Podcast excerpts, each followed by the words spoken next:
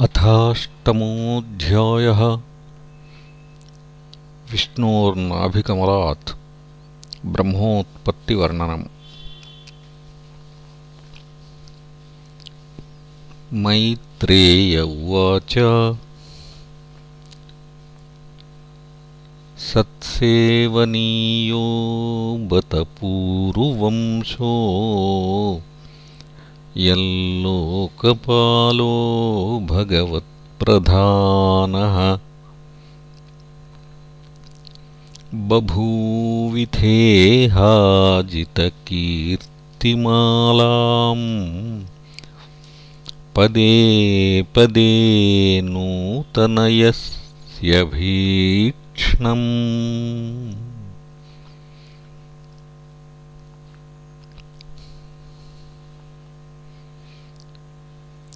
सोऽहं नृणां क्षुल्लसुखाय दुःखम्। महद्गतानां विरमाय तस्य प्रवर्तये भागवतं पुराणम्। यदाह साक्षाद्भगवान् ऋषिभ्यः आसीनमुर्व्याम् भगवन्तमाद्यम् सङ्कर्षणं देवमकुण्ठसत्त्वम्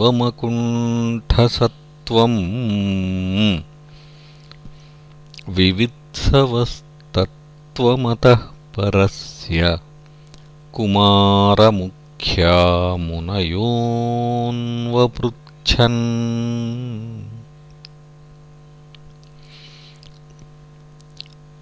स्वमेव धिष्ण्यम् बहुमानयन्तम् यद्वासुदेवाभिधमामनन्ति प्रत्यग्द्रुताक्षं भुजकोशमीशतु उन्मीलयन्तं विबुधोदयाय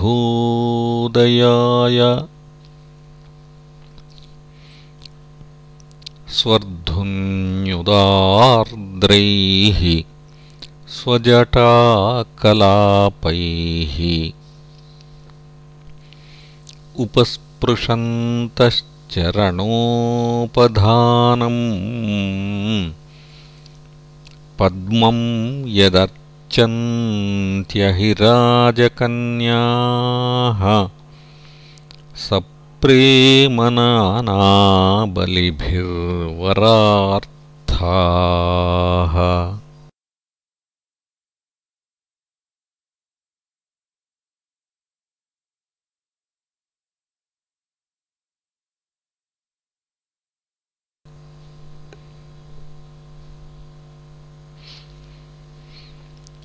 मुहुर्गृणन्तो वचसानुरागस्त खलत्पदेनास्य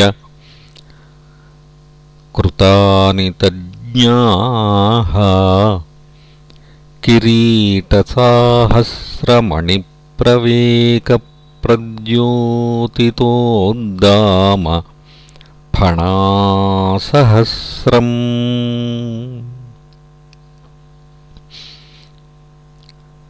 प्रोक् किलैतद्भगवत्तमेन निवृत्तिधर्माभिरतायतेन सनत्कुमाराय स चाहपृष्टः साङ्ख्यायनायाङ्गधृतव्रताय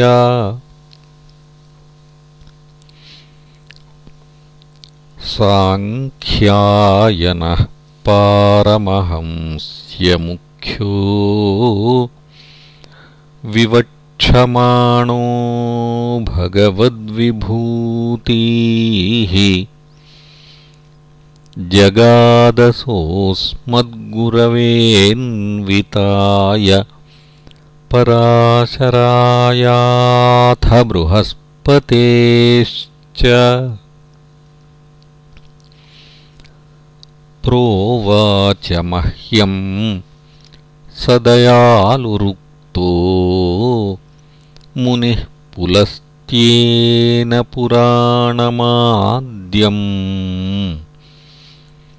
सोऽहं तवैतत्कथयामि वत्स श्रद्धालवे नित्यमनुव्रताय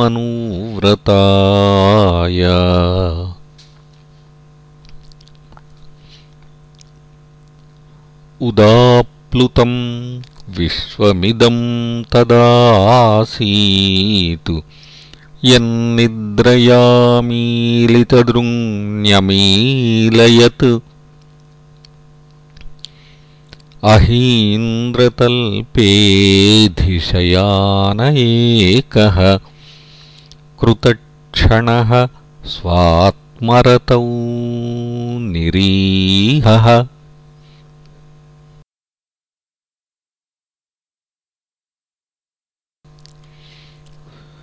सोऽन्तःशरीरेऽर्पितभूतसूक्ष्मः कालात्मिकां शक्तिमुदीरयाणः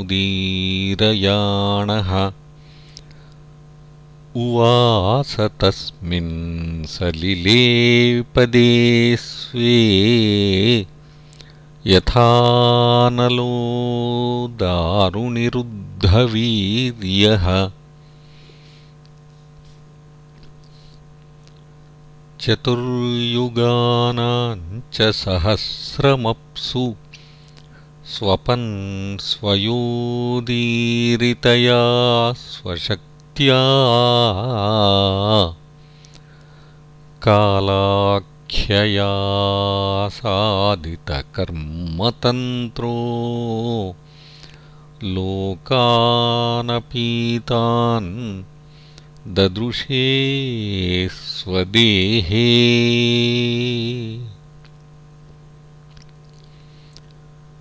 तस्यार्थसूक्ष्माभिनिविष्टदृष्टेः अन्तर्गतोऽर्थो रजसान्तनीयान् गुणेन कालानुगतेन विद् सूष्यंस्तदाभिद्यतनाभिदेशात्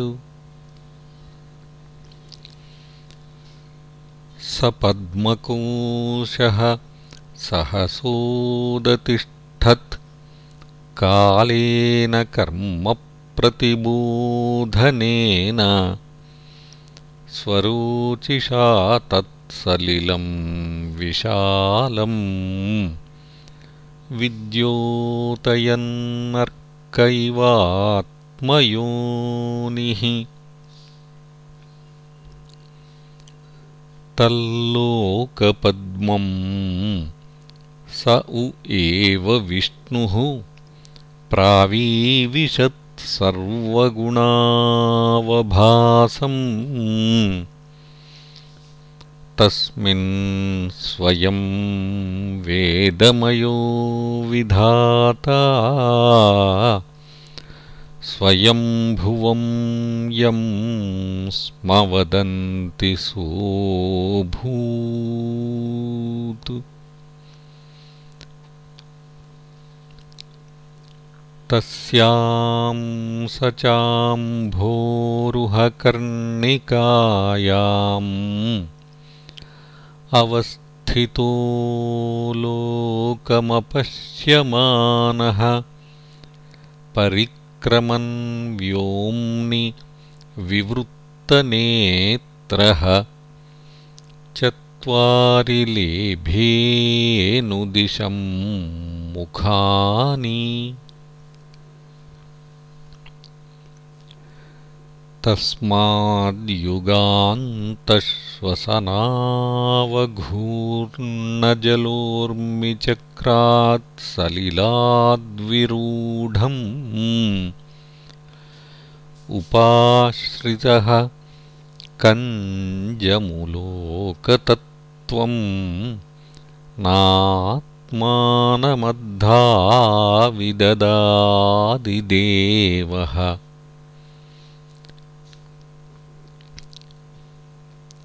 कैशयोऽसावहमब्जपृष्ठे एतत् कुतो वाब्जमनन्यदप्सु अस्ति ह्यधस्तादिह किञ्चनैतत् अधिष्ठितं यत्र सतानुभाव्यम्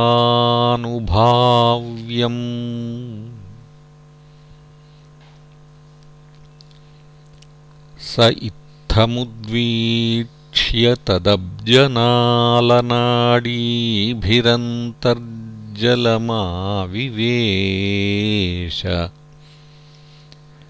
नार्वागतस्तत्खरनालनालनाभिं विचिन्वंस्तदविन्दताजः तमस्य पारे विदुरात्मसर्गम्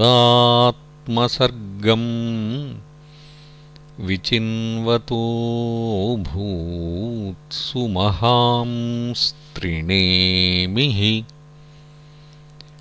यो देहभाजां भयमीरयाणः परिक्षिणोत् त्यायुरजस्य हेतिः।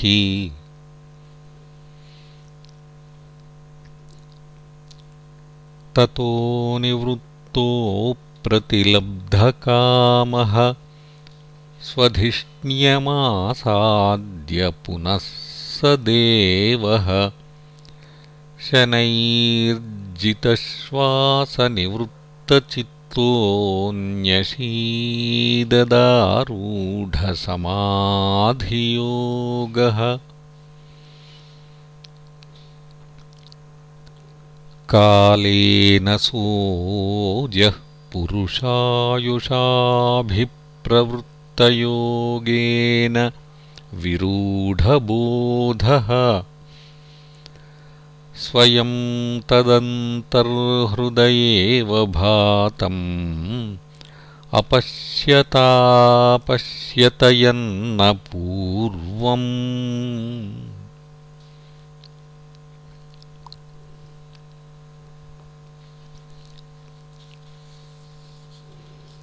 मृणालगौरायतशेषभोगपर्यङ्कैकम् पुरुषं शयानम्।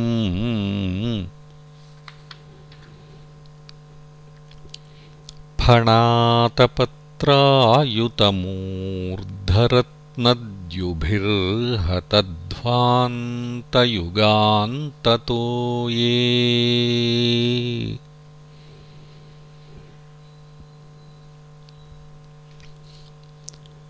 प्रेक्षां क्षिपन्तं हरितोपलाद्रेः सन्ध्याभ्रनीवेरुरुक्ममूर्ध्नः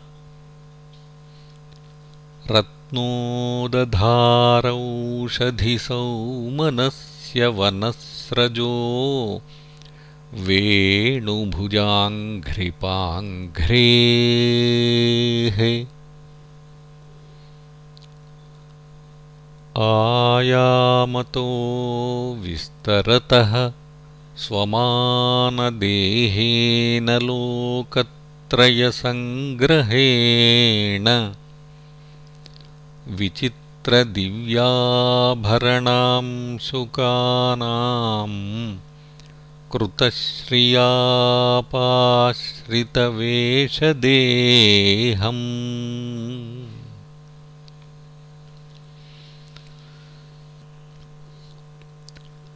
पुंसां स्वकामाय विविक्तमार्गैः अभ्यर्चतां कामदुघाङ्घ्रिपद्मम् प्रदर्शयन्तं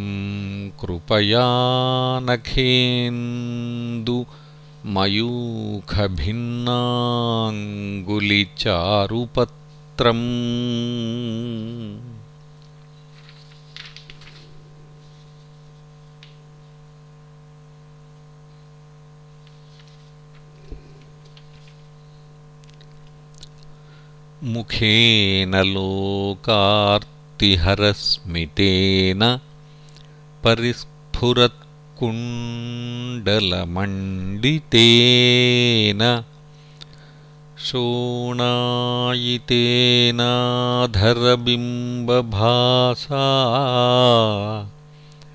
प्रत्यर्हयन्तं सुनसेन सुभ्र्वा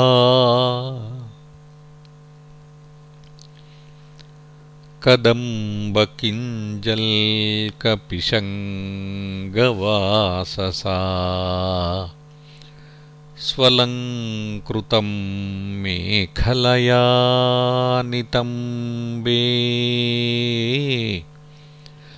हारेण चानन्तधनेन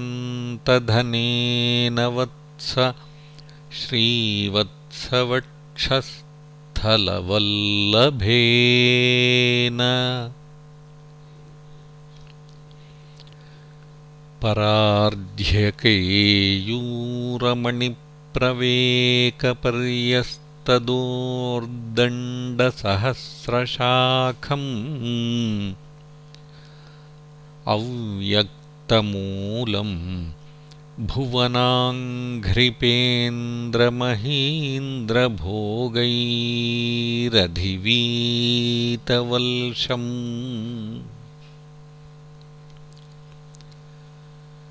चराचरौको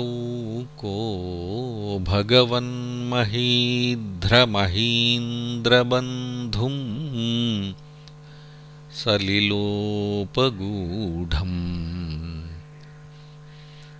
किरीटसाहस्रहिरण्यशृङ्गम् आविर्भवत्कौस्तुभरत्नगर्भम् निवीतमां नायमधूव्रतश्रिया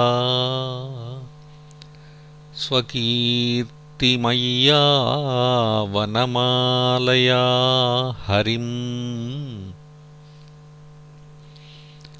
सूर्येन्दुवायुवग्न्यगमं त्रिधामभिः परिक्रमत्प्राधनिकैर्दुरासदम्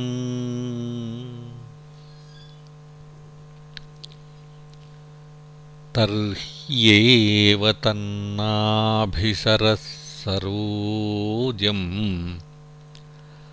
आत्मानमम्भः श्वसनं वियच्च ददर्शदेवो जगतो विधाता। नातः परं लोकविसर्गदृष्ट। सकर्मबीजं रजसोपरक्तः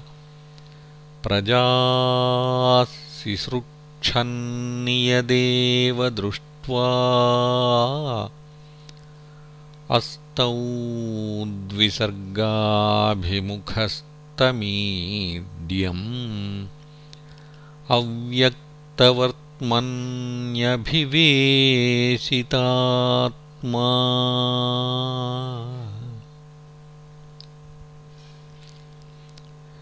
इति श्रीमद्भागवते महापुराणे पारमहंस्यां संहितायां तृतीयस्कन्धे अष्टमोऽध्यायः